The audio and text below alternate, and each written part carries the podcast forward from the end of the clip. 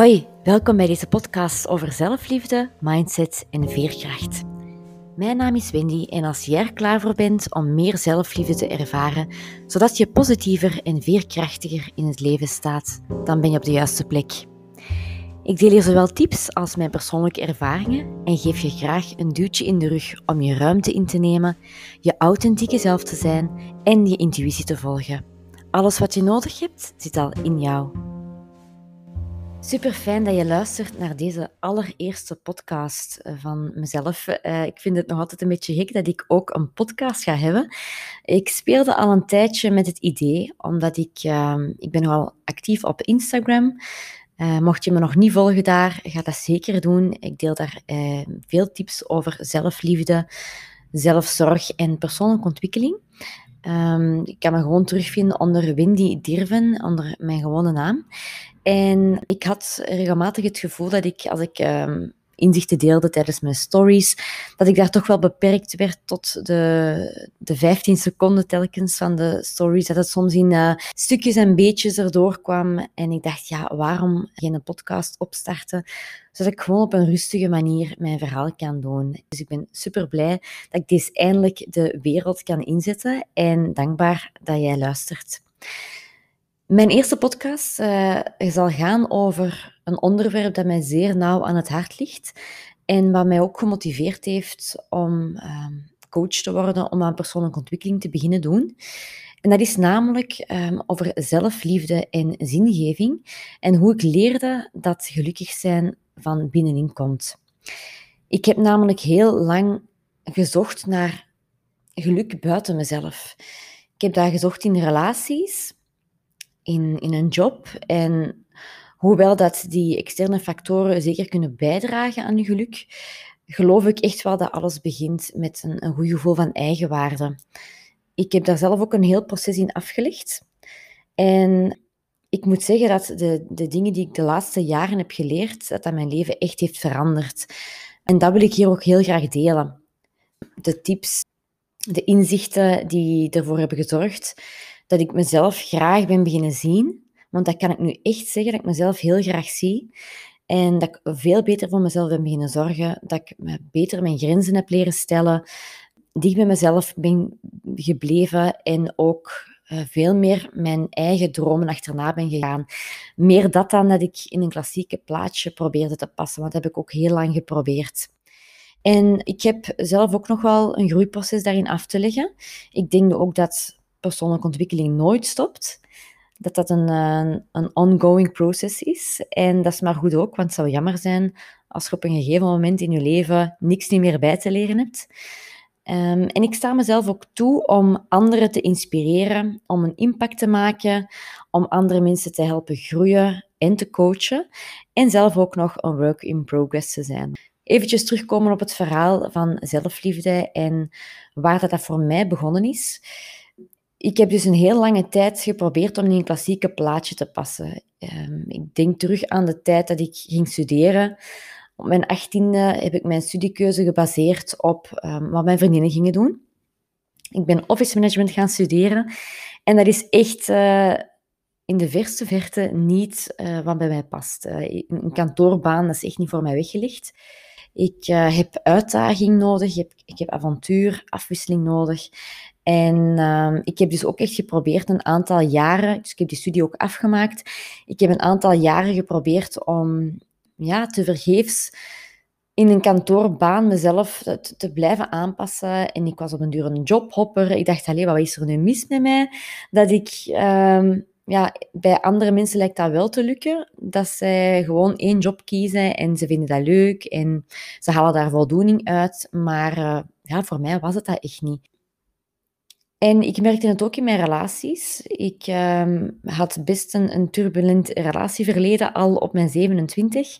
Ik heb best al wel wat relaties gehad. En telkens um, ging ik daar echt met, met het volste vertrouwen in uh, dat, dat dat voor, voor een lange tijd zou duren, dat het een langdurige relatie zou zijn.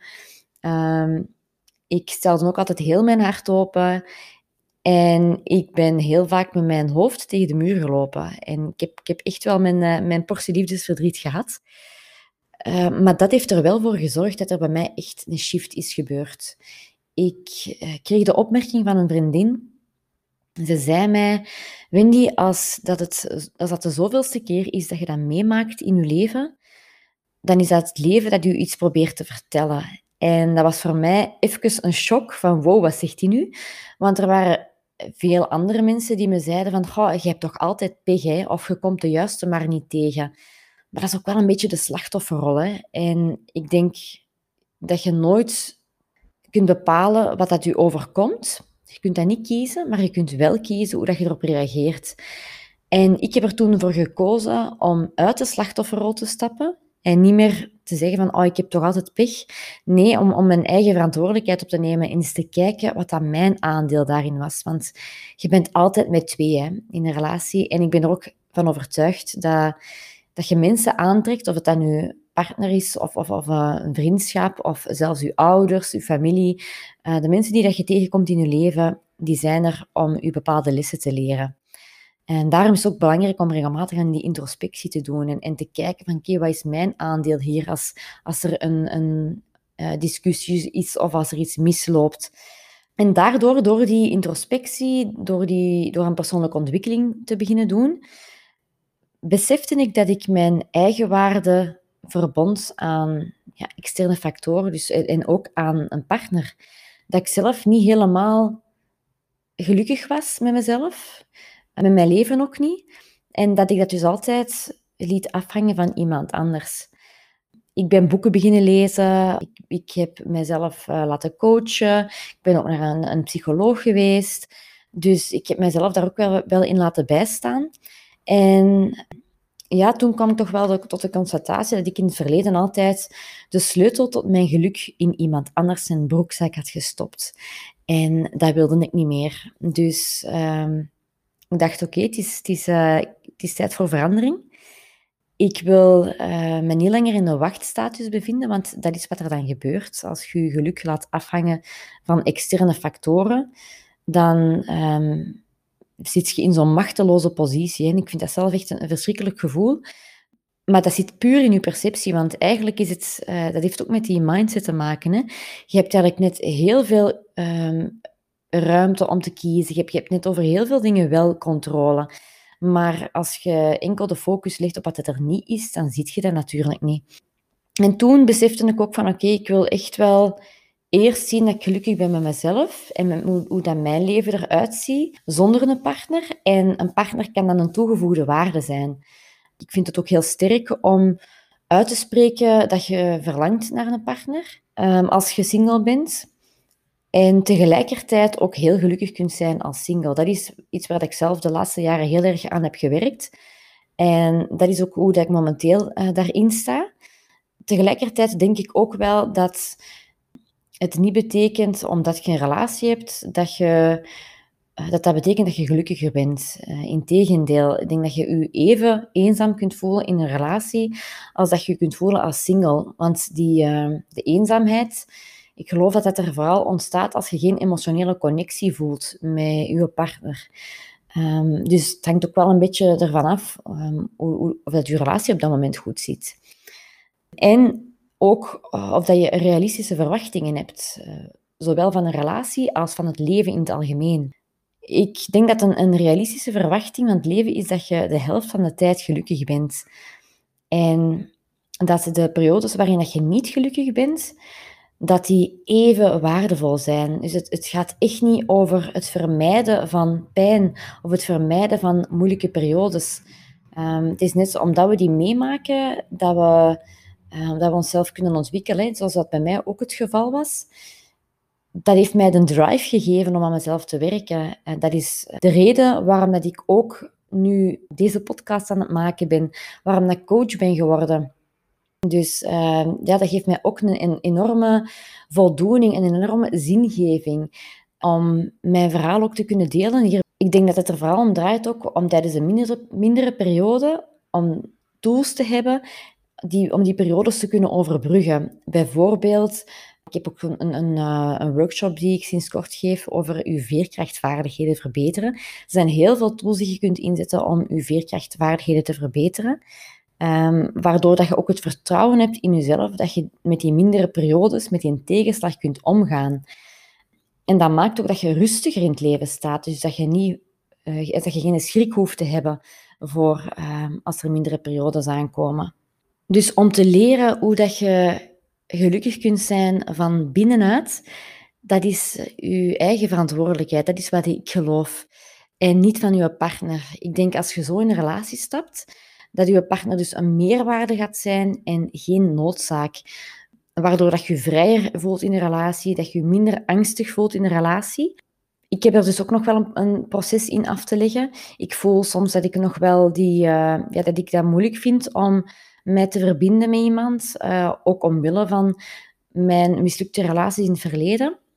Maar er is anderzijds ook wel een heel groot vertrouwen. Ik ben er heel erg zeker van dat de juiste persoon nog op mijn pad gaat komen. En dat, er, dat die op dit moment al bestaat. Ik vind dat ook zo een mooie vergelijking. Dat komt uit een boek uh, van Jen Sincero. You are. Zij zegt ook van, je kunt het vergelijken met elektriciteit. Hè. Dat is er altijd al geweest, maar het is pas in de realiteit gebracht toen dat Edison de elektriciteit heeft uitgevonden. Uh, maar eigenlijk was het er altijd al. Ik vind het ook een fijne gedachte om zo te denken over uh, mijn toekomstige partner. Die bestaat al, hè, en die is ook naar mij op zoek.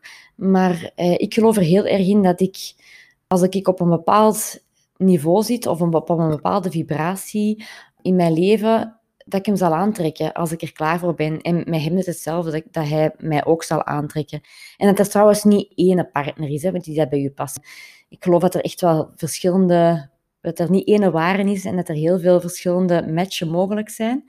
Ik hou ervan om, om uh, te denken in een uh, overvloed mindset. Dus het zou echt wel een, een schaarste mindset zijn om te denken dat er maar, uh, maar ene partner bij u zou passen.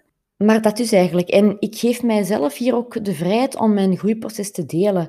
En ook om af en toe van gedachten te veranderen. Want dat heb ik nu pas nog gedaan op mijn Instagram trouwens. Een tijdje geleden deelde ik dat ik mijn tijd, mijn energie en aandacht liever aan mezelf wil besteden op dit moment in mijn leven. En vorige week heb ik gedeeld dat ik toch liever wel uh, mijn leven wou, wou, delen met iemand, of de gelukkige momenten wou delen met iemand. Ik heb nu zelf een, een house swap gedaan. Uh, op dit moment zit ik in Amsterdam, terwijl ik in Antwerpen woon.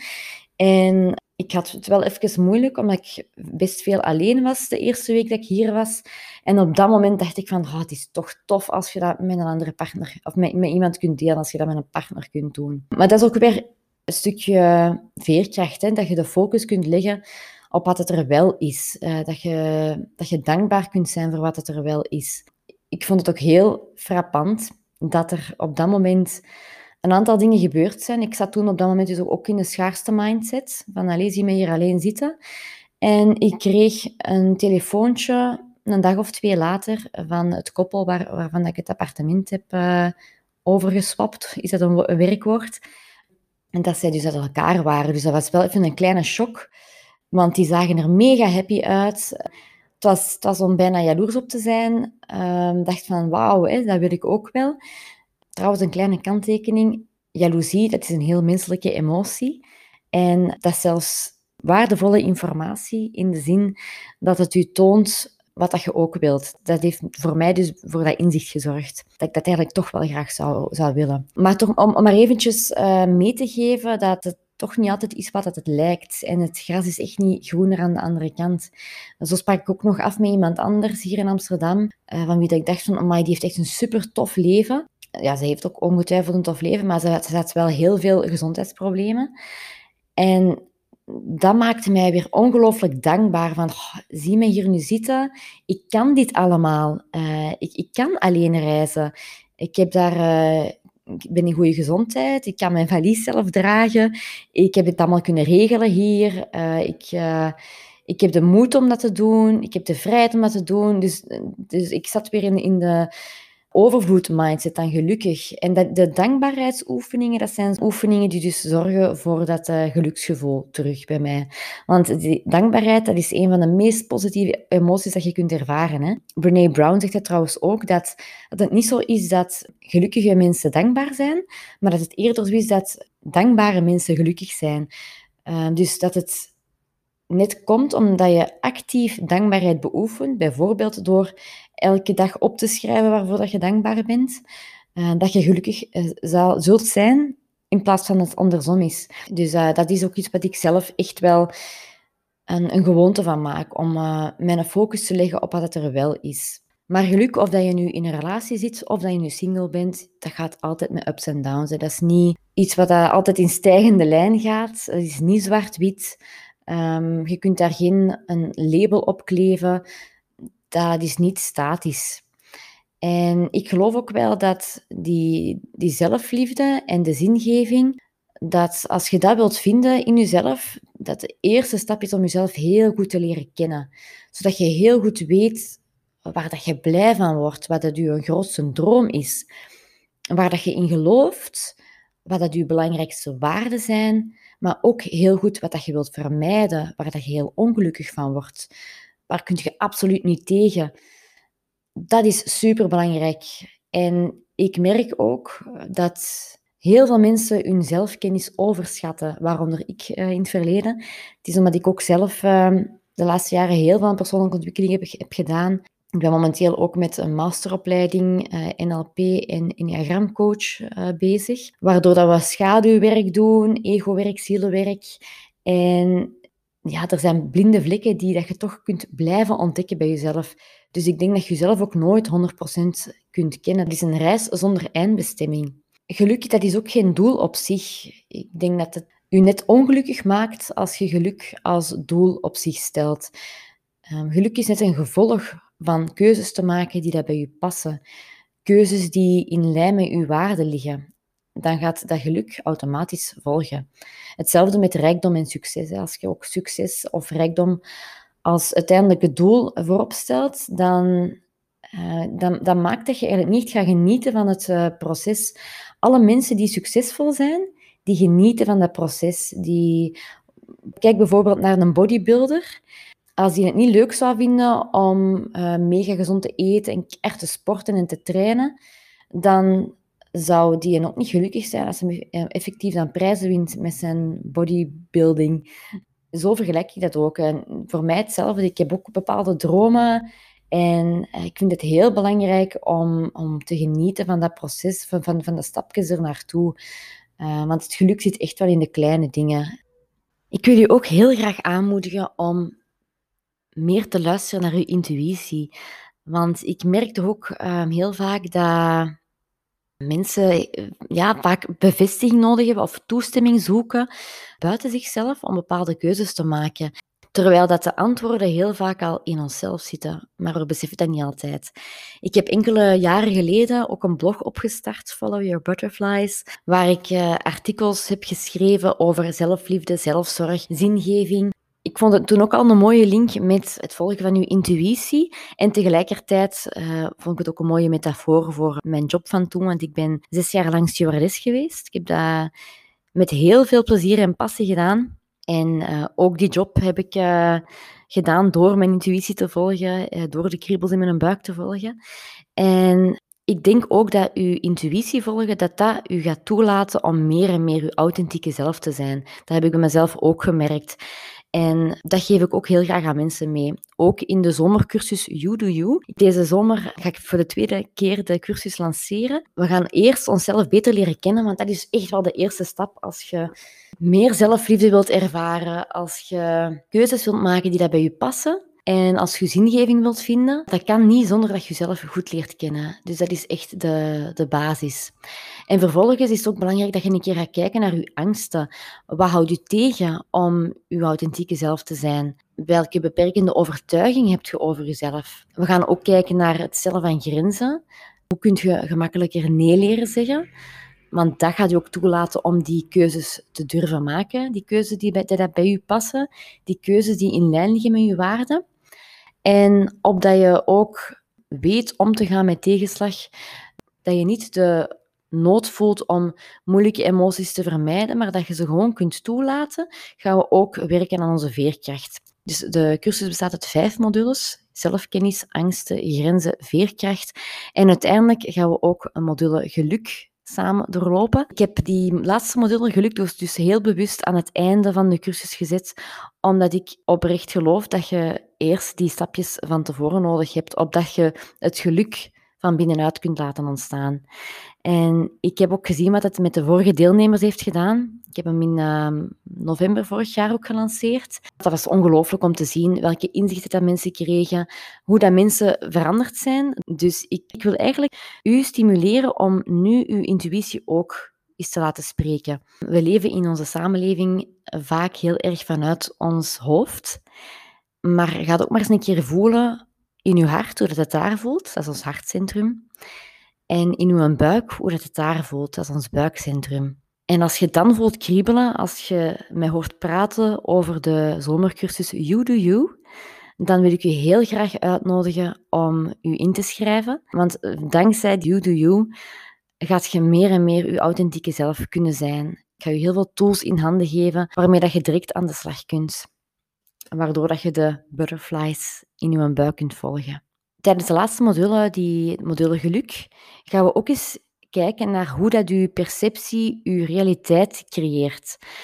Want we beseffen niet altijd dat onze gedachten niet zomaar gedachten zijn. Onze gedachten, dat zijn onze overtuigingen, dat is wat dat we geloven over onszelf. Dus dat gaat eigenlijk heel diep. En wat dat we denken, dat gaan we dus ook uitspreken. Dus dat worden onze woorden. Onze woorden, dat worden onze daden. Mensen die mij volgen op Instagram hebben mij al een paar keer horen spreken over het woord moeten en proberen.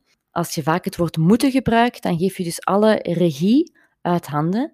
Dat is die machteloosheid waar ik het dus daarnet ook over had. Je gaat de regie in handen kunnen nemen als je actief taalgebruik uh, benut. Dus als je zegt van ik onderneem actie, niet ik moet actie ondernemen. Bij dat woordje moeten, dan stel ik mij een marionet voor. En uh, dat willen we niet zijn. Nee, jij hebt de vrije keuze om iets al dan niet te doen. Uh, je kan ervoor kiezen om dat niet te doen. En dat is ook helemaal prima. En dan is het een kwestie van love your choice.